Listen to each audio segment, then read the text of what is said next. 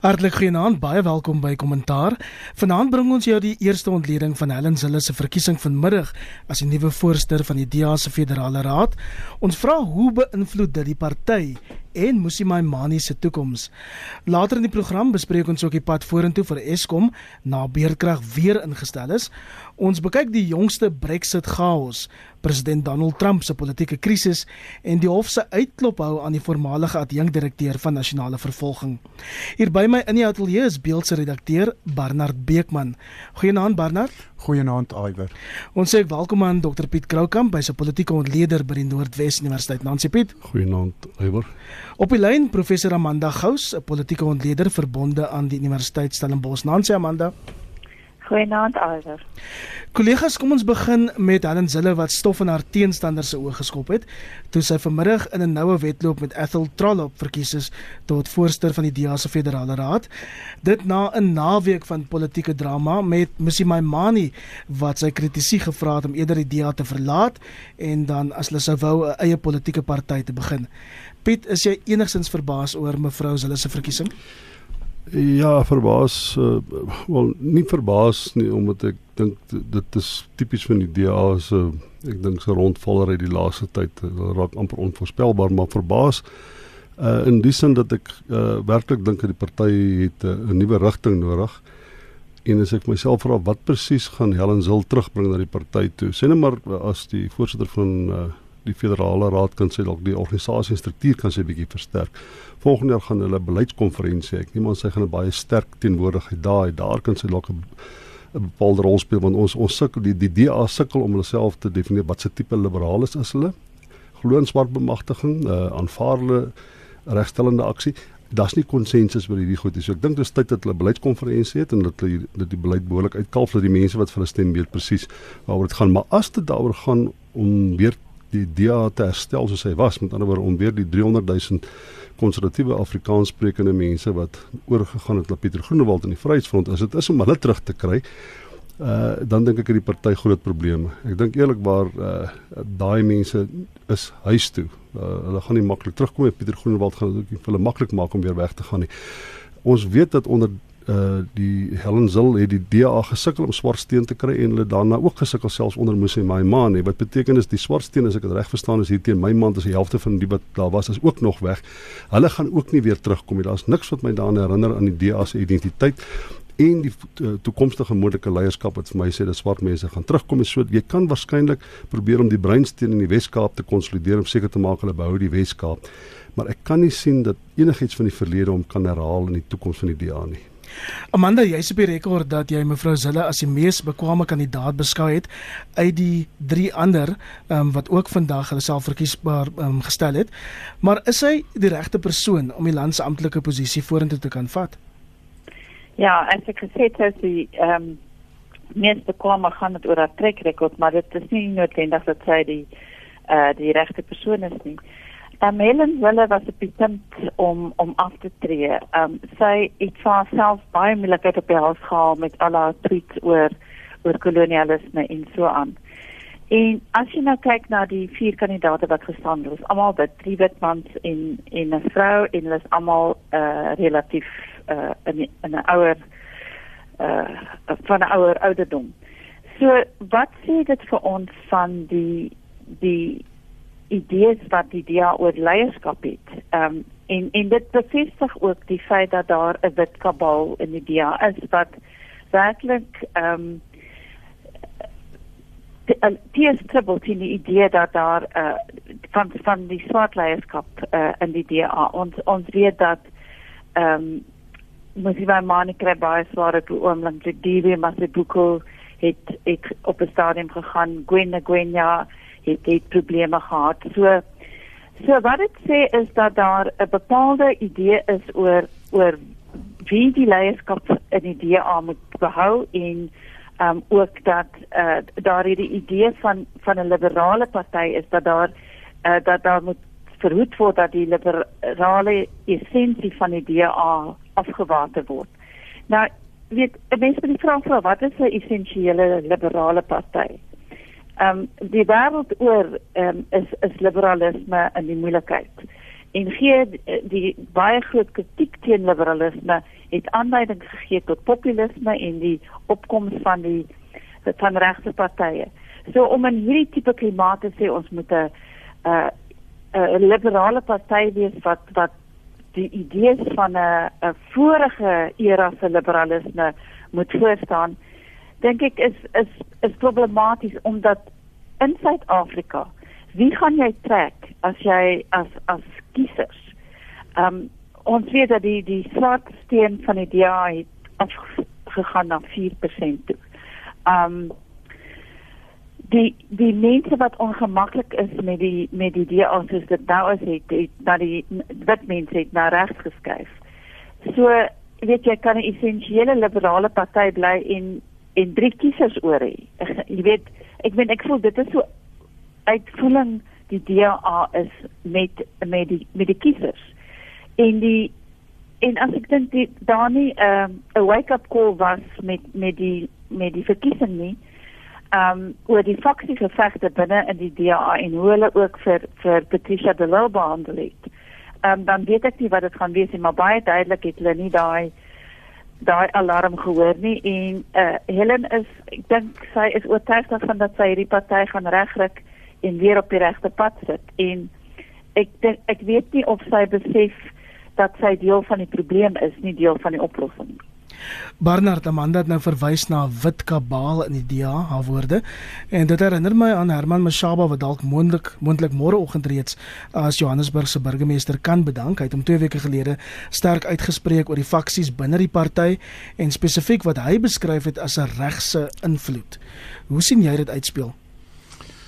Ja wel, dit is interessant in hierdie hele stofwolk net net die eerste opmerking, dit lyk my die proporsionele stelsel van beroepspolitiek het die kanale ook maar verstop dat daar nuwe jonger dinamiese leiers na vore tree en dat hulle vir die voorsitterskap weer moes terugval op van die ouer garde. Wêreldwyd weet ek nie die die die politieke wetenskaplikes sal seker hier weet maar weet ek nie eintlik van suksesvolle terugkeer mense wat weer terugkeer uit semi-aftrede of aftrede en dan 'n sukses maak nie.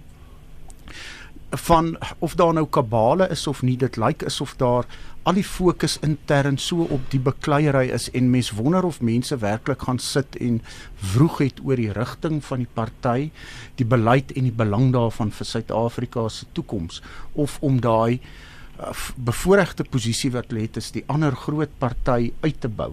En of dit nie eerder gegaan het oor is die ou in is dan's ek veiliger en is daardie een in is want ek 'n beter kans dat ek op die lys kom ensovoorts nie. Uh, interessante uh, bewegings van Herman Mashaba. Uh, hy het hom nog nooit eintlik gemanifesteer as eintlik aan die verligte kant uh, of aan die bemagtigingskant van die DA nie dat hy nou praat van van regses ensovoorts Hy het ek sien op netwerk 24 daar is ehm um, hoëgeplaas tussen die DEA wat aandui het vir hulle gesê hy kan dalk pad gee. Ek weet nie is dit ook oor persoonlikheidsbotsings het dit maar ook te doen met nou is die klomp in nou is die klomp uit nou het ek minder kans om invloed te hê. Dit is so duidelik ontskei onder baie moeilik om dit te onderskei deesdae in die politiek of dit nou hier is of dit nou by Brexit is waaroor ons later praat ensovoorts. En ehm um, ek dink daar's 'n daar's so ruimte, daar's so armoede aan werklik om beginselvaste leierskap weer te kry wat na rigting gaan. Die DA sal baie duidelik moet gaan en daar die 5 of 10 goed waar kerngoed beginsels waarvoor hy staan duidelik uitspel en die relevantie daarvan vir die breër land. As wat hulle wil terugbring weer 'n tipe terugkeer is na basiese die beskerming van die minderheidsgroepe miskien uh, miskien uh, die Weskaap as 'n streekpart 'n streekprovinsie in stand te hou dan is dalk nie noodwendig 'n groot toekoms in die teen die demografiese projeksies wys dat teen 2030 gaan die Weskaap 'n swart meerderheid hê. So so 'n 'n idee wat 'n impak wil maak, wat 'n groter Suid-Afrikanisme wil dien gaan steen oor verskillende grense heen moet trek. Musi Maimane dink ek ek persoonlik um is nie so negatief oor hom so soos baie ontleeders nie. Ek dink net hy was 'n slagger slagoffer van omstandighede en die leier moet uiteindelik verantwoordelikheid aanvaar vir die verkiesingsuitslag. Daar's ook baie foute in hulle verkiesing gemaak wat met die rasse ding noodwendig in verband hou nie hierdie absolute sinlose um buiteligbord wat hulle loop opsit het met die name van mense wat in die life epidemie Isimideni uh, skandaal dood is en en en sulke tipe goed. So ons moet maar kyk as die stofwolk afgaan wat die motief in die rigting is wat is hulle probeer gee in dit alles. Die stofwolk gaan nog geruk vat voor hy gaan lê. Ek sien Herman Mashaba het 'n perskonferensie vir môreoggend um geroep.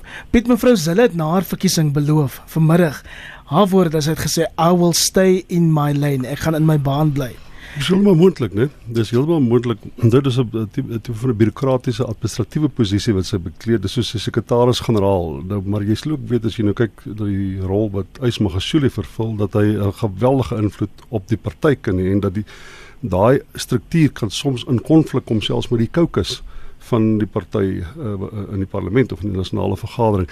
Die uh, ek dink die daar's da natuurlik 'n paar groter ding wat besig om te gebeur. Uh, ons weet John Steenhuisen uh, as ek dit reg verstaan wil oorvat uiteindelik by Musi Maimani. So hy gaan waarskynlik volgende jaar hulle gaan uh, hulle het nou ooreengekom hulle gaan 'n uh, uh, beleidskonferensie hou en daarna gaan hulle 'n vervroegde konferensie hou en hy kan waarskynlik dan nou as leier daar vervang word en ek dink John Steenhuisen is die aangewese persoon.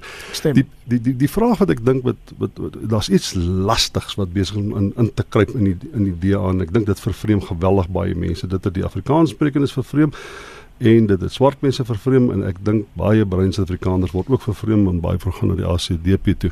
En dit is hierdie ahistoriese blik op liberalisme as of as sou dit een of ander godgegewe regime verteenwoordig wat die wêreld gered het ons hoef net na die val van die Berlynse muur te kom kyk hoe liberalisme geseëvier het oor al die ander forme van ismes nou uh, uh, jy kan seker wegkom met die argument as jy uh Herman Pretorius van die Instituut vir Race Relations want dis hoe hulle die eendimensionele manier wat hy kyk en wat hulle kyk na die ding.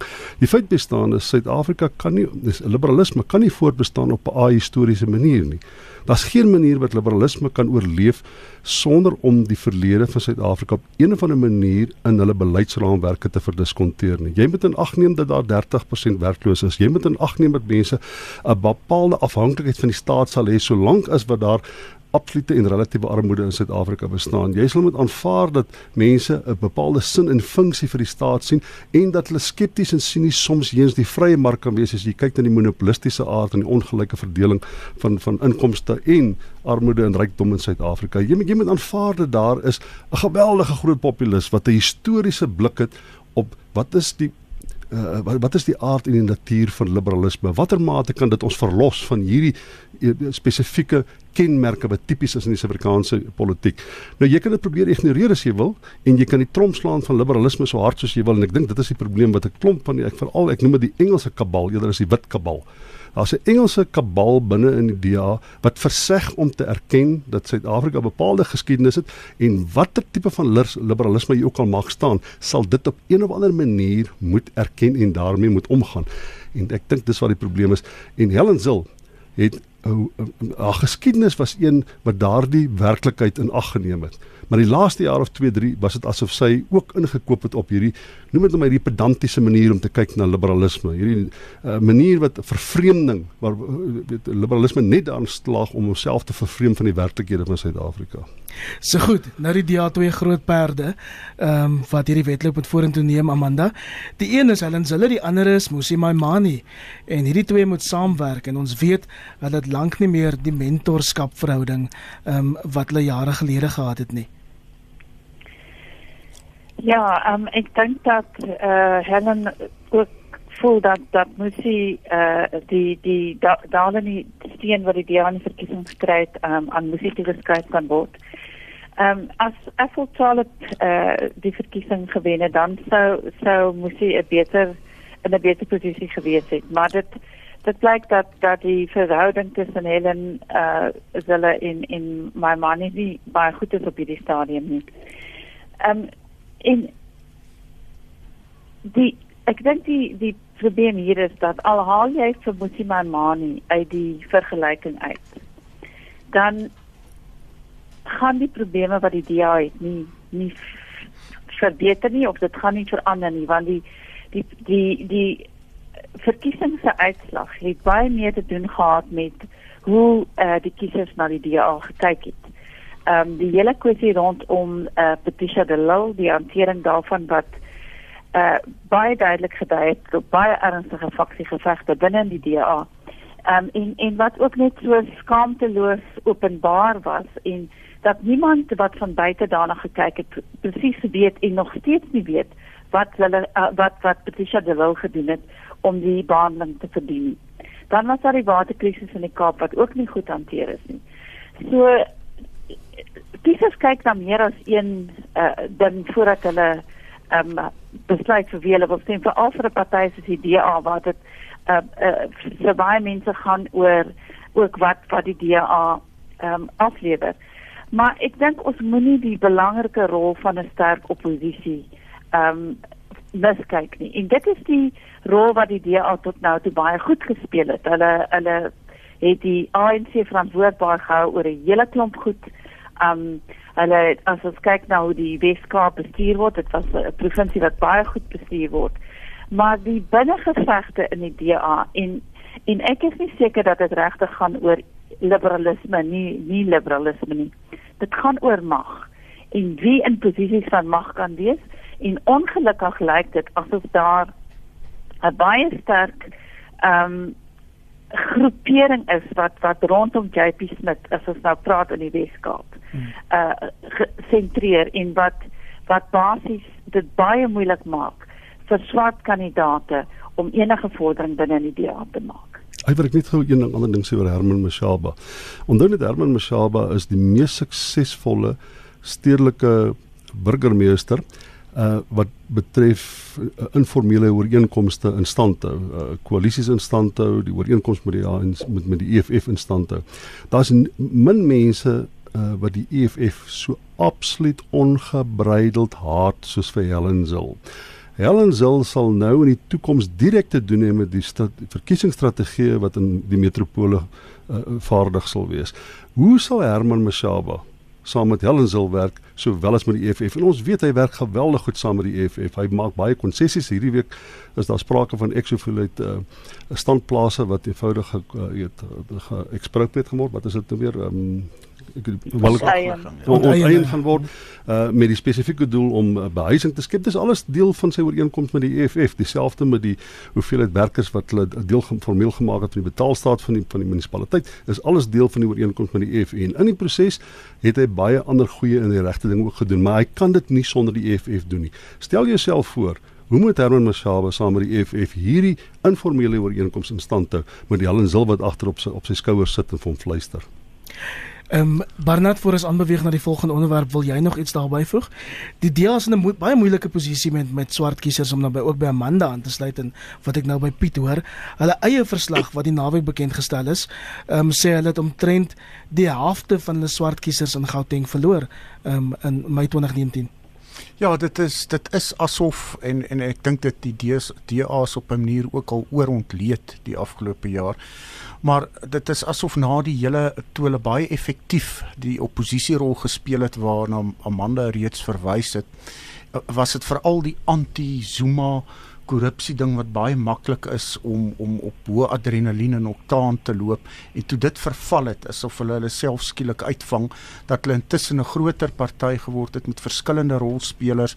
Dit is oud 'n bietjie ondersteuners uit die ANC dis mense uit Cope um oor 'n wye verskeidenheid en skielik was daar nie daardie beginsel vaste gom nie. Op 'n maniere 'n verteenwoordigend van die Suid-Afrikaanse samelewing in uiteenlopendheid selfs in onder hulle wit kiesers uh, baie verskillende faksies. En en en nou is is die vraag nou enige party soos hulle die reg om vir enigiets te staan en mense wat nie daarmee saamstem nie kan loop maar tot nou toe is hulle gesien as die ouens wat probeer om die ander groot Suid-Afrikaanse party te wees die alternatief vir wie jy gaan um, as die ANC uiteindelik sou miskien um, uitmekaar val of iets. En skielik word dit bedreig en nou is die vraag sien hulle vir hulle ander rol wat gaan dit wees word dit geherdefinieer maar dan gaan dit sigbaar kleiner waarskynlik wees Kollegas, ons hou dan verwikkelinge in die DA die week fyn dop om te sien hoe dit vorentoe gaan uitspeel. Ons beweeg nou na ander nuus en politieke partye en die parlement eis antwoorde van Eskom oor die kragkrisis. Die parlementêre portefeulje komitee eis 'n dringende vergadering met die elektrisiteitsvoorsiener. Amanda baie Suid-Afrikaners het nogal naïewelik aanvaar dat beerdkrag iets van die verlede is. Dit nou nie. Wat is regtig hier aan die gebeur want Eskom het die week allerlei verskonings weer gehad. Wel, ek meen ek dink dit baie kommerwekkend ehm um, nou dat Medupi op stroom is dat dat die probleme by 'n splinter nuwe uh eh, kragstasie is. Uh blykbaar was dit die vloerband wat gebreek het. Maar ons weet dat die die ehm um, kostes van die bou van Medupi ehm um, geeskaleer het in uh baie meer as wat dit dit moes gewees het. En en dit het gegaan oor arbeidskwessies maar ook oor boumateriaal en allerlei goed en met ander woorde as jy 'n nuwe kragstasie het en en en jy het probleme dan dink ek het jy baie ernstige probleme omdat jou ouer kragstasies nie baie goed ehm um, hersien is nie en soos ons nou sien in hierdie week het daar ek weet nie ek dink daar was ses van hulle wat probleme gehad het.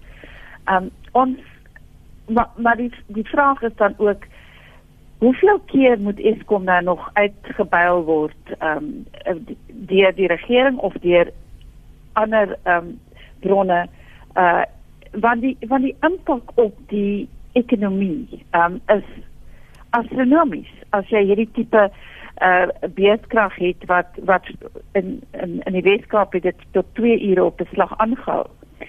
So en en dis onvoorstelbaar ons het dit nie sien kom nie. Ehm um, en ek dink net dat dit is, is as ons enigstens daaraan dink om die ekonomie op dreef te kry, dan sal ons eers die probleme met met Eskom moet uitsorteer. Piet, dis 'n baie geldige punt wat Amanda daar maak. Hoeveel geld nog? Ons weet die nasionale tesourie het reeds 'n reddingsboei van 59 miljard rand aan Eskom gegee en dit klink nou vir hulle sê dis nog steeds nie genoeg nie.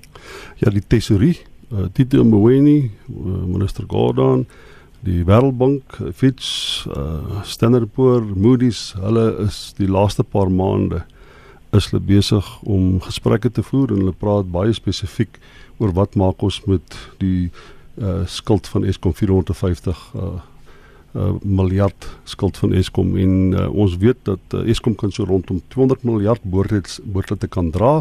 Die ander 250 miljard weet ons nie wat om te maak en nou Tito Mboweni het geen keuse is om baie mooi te luister en hy doen dit ook. Na hierdie internasionale rolspelers wat vir hom sê wat sal ons mee kan saamleef sodat Moody's jou nie afgradeer nie. Uh en ek dink ons moet wag tot uh Tito Mboweni sy sy medium termyn begroting ingedien het want uh, soos wat ek dit verstaan is dis duidelik dat hy nie noodwendig saam met die uitvoerende komitee van die ANC stem nie. Hy stem nie saam met Ysmagashule nie. Hy stem nie saam met die president nie. Hy stem beslis nie saam met uh, Provin Gordon wat dink dat hierdie instellings net beter bestuur kan word. Nie Tito Mboweni is van die denkskool dat baie van hierdie goed moet ons probeer verkoop. Baie van die goed kan 'n mens nie verkoop nie want hulle is eenvoudig net in te vervalle toestand en maak nie meer sin nie, maar daar is iets wat ons kan verkoop wat dit moontlik kan maak vir ons om uiteindelik hierdie ding uh iets te stop of om te draai. Nou ek sal wag vir Tito Mboweni se se se begrotingstoespraak en ek weet vir 'n feit dat uh hy gaan onpopulêr wees daarna, hy gaan onpopulêr by die ANC wees, die uitvoerende komitee en die president gaan moet bal gooi. Want Tito Mboweni uh, gaan dit sê by die Wêreldbank en Fitch en Moody's en uh, Standard & Poor's vir hom gesê die laaste 3 maande. So ons wag dan in um, in spanning op Tito Mboweni se se begrotingstoespraak, maar Barnard ons verwag ook dat president Ramaphosa binne die volgende paar dae plan op die tafel gaan sit oor Eskom se ontbondeling. Wat is jou verwagting daarvan? Ja wel hy hy doen dit al vir die afgelope 2 jaar en en dan uh, sit of daar dalk baie keer 'n nuwe stukkie bykom of nie. Ehm um, 'n pizza ontleding is is 100% in die kol oor oor wat aangaan en die ding is Eskom het op verskeie plekke 'n speelbal geraak in die ideologiese toutrekkery in die ANC klomp ouens wat voel dit moet in staatsbesit bly en um soveel as moontlik werkgeleenthede skep maar daar sit 'n klomp te veel mense op die verkeerde plekke en te min mense op die regte plekke in die organisasie. Ehm um, en daar's nie behoorlike bestuursfunksionaliteit nie, maar maar weg van dit af uh, is dit die is dit die domino effek van wat die afgelope 20 jaar daaraan gegaan het en selfs vroeër wat wat wat nou begin inskop op 'n tegniese vlak. Ehm um, dit het op 'n ander plek 'n speelbal geraak deurdat Eskom is tot 'n groot mate in hierdie gesprekke waarvan Piet praat, het dit 'n toets geword vir die Ramaphosa regering. Ook by baie beleggers om te sê en ten regte of ten onregte word dit amper 'n soort laboratoriumtoets opgestel. As jy Eskom kan uitsorteer en stabiliseer en op 'n manier 'n ooreenkoms kry wat vir die wêreld en vir die land aanvaarbaar en draaglik is, sal ons julle begin glo dat ons in die ekonomie kan belê en dat julle ook suksesvol met ander planne gaan wees. En en nou lê dit so 'n bietjie soos 'n groot klip in die Ramaphosa administrasie se pad en en gaan hy daarop getoets word of uh dit uh, Suid-Afrika gesien word as 'n geloofwaardige groei engine van die wêreld waarby baie meer um, beleggers betrokke kan raak. So daar word so 'n bietjie met spanning dopgehou oor oor oor wat daar gebeur. Kyk, die wêreld is nie so naïef om te dink dat ons gaan groei nie, want ons gaan beslis nie binne die volgende 5 jaar groei nie. Uh, Daar's geen kans selfs al sorteer ons vir Eskom uit is daar geen beduidende groeipunt in die Suid-Afrikaanse ekonomie nie in vervaardigingssektor nie oor die korttermyn in die mynbousektor nie. Daar kom nie 'n enkele sent, werklike sent wat 'n nuwe skag gaan sink in Suid-Afrika nie. So daar is nie groeipunte in Suid-Afrika nie. So as Moody's op die 1 November of kort daarna besluit oor die toekoms van Suid-Afrika, gaan hulle vir hulself vra, gaan hierdie ekonomie groei en wat gaan dit kos om te groei? En dan gaan hulle sê dis nie moontlik vir die ekonomie om oor die kort termyn te groei nie binne die volgende 5 jaar nie. En hulle gaan sê, wat gaan ons met nie net met Eskom se skuldlas maak nie, wat gaan ons met ons nasionale skuldlas maak wat as jy Eskom en die goede begin bytel hier na 70% van GDP toe besig om op te druk. Daar is geen manier uit hierdie knyptang uit vir die ekonomie binne die volgende 5 jaar nie. Wat hulle wel kan vra is, so kom ons kyk op watter mate is daar nou beleidsbestendigheid. Dit wat die regering sê is wat die regering gaan doen. Dis voorspelbaar. Ons daar's wetgewing.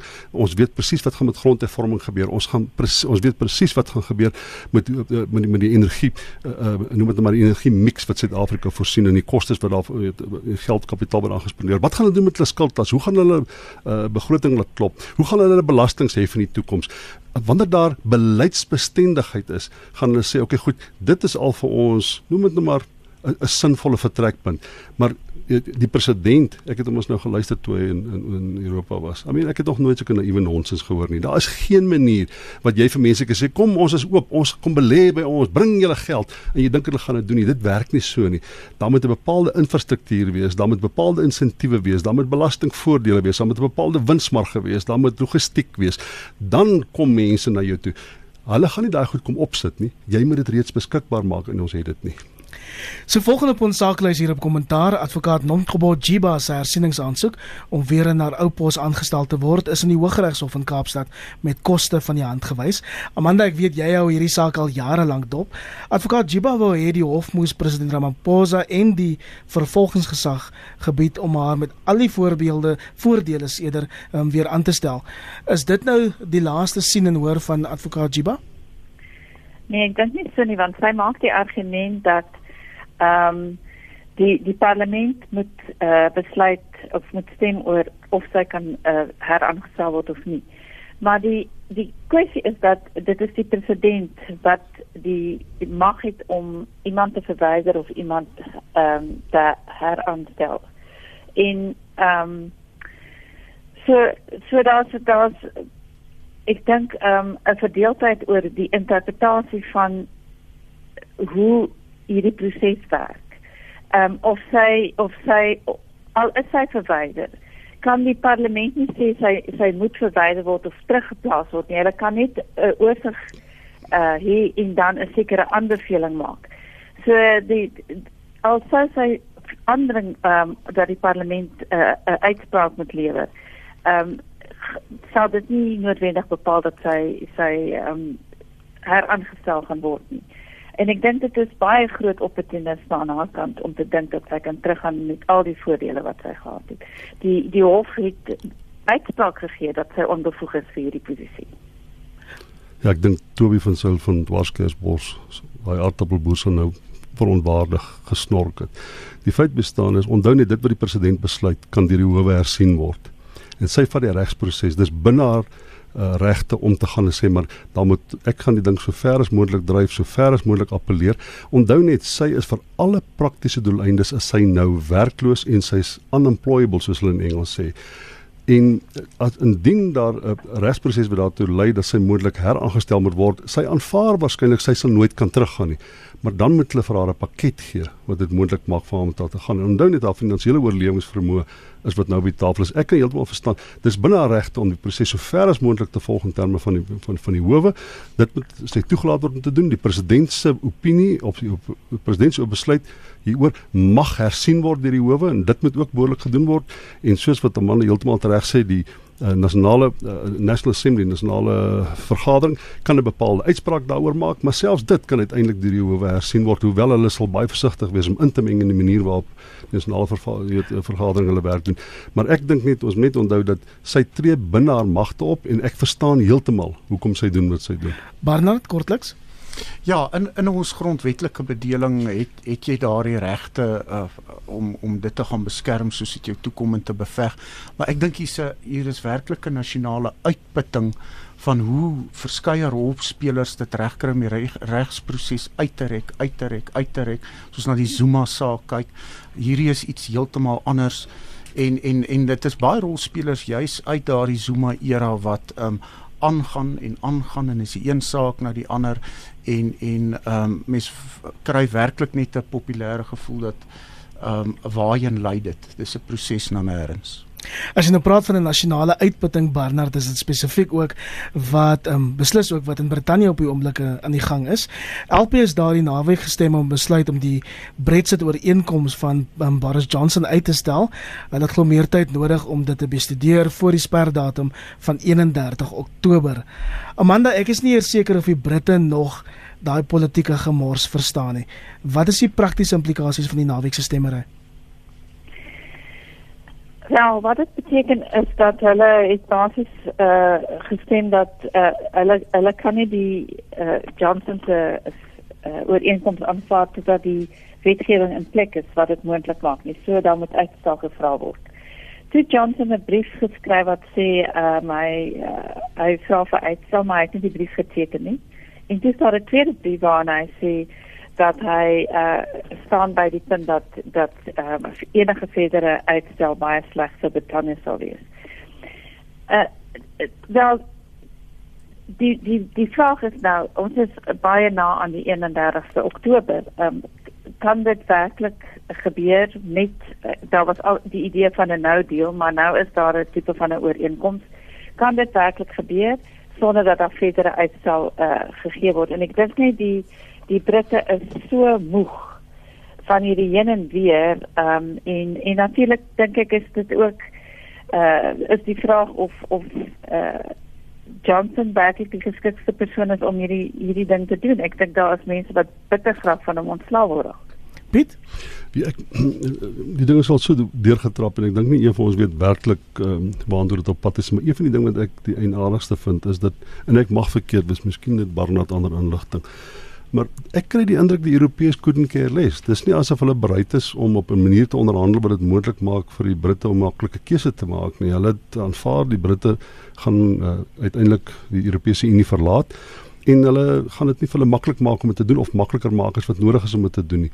Uh, nêrens sien ek dat die dat die Europese Unie sê man ons kan die volgende op die tafel sit indien julle weer 'n referendum byvoorbeeld hou en die besluit moontlik verander. Dis nie asof daar enige aanmoediging van die Europese Unie afkom nie. Hulle is die, die, in 'n baie Duitse rigiede tradisie lê hulle reëls neer. Dis wat dit julle gaan kos en daai datum wat julle vir ons sê julle wil gaan en ons gaan nie uitstel gee nie. Ek is nogal enaardig oor die uh, verbaas oor die oor die Europeërs se se, se rigiede ingesteldheid teenoor dit. Ja, dit klink of die Europese Unie dit oor en verby wil kry. Ehm um, 11 dae oor voor die beloofde datum ehm um, waar Brittanje die Europese Unie kan verlaat. Ja, ek dink die vertroue in politici in Brittanje is seker op 'n laagtepunt. Die spektakel is mens baie aande na daardie direkte uitsendings gesit en kyk het waar hulle die goed debatteer in kringe en in tegniese detail wat hulle self eintlik ook nie meer lekker weet waaroor dit gaan nie.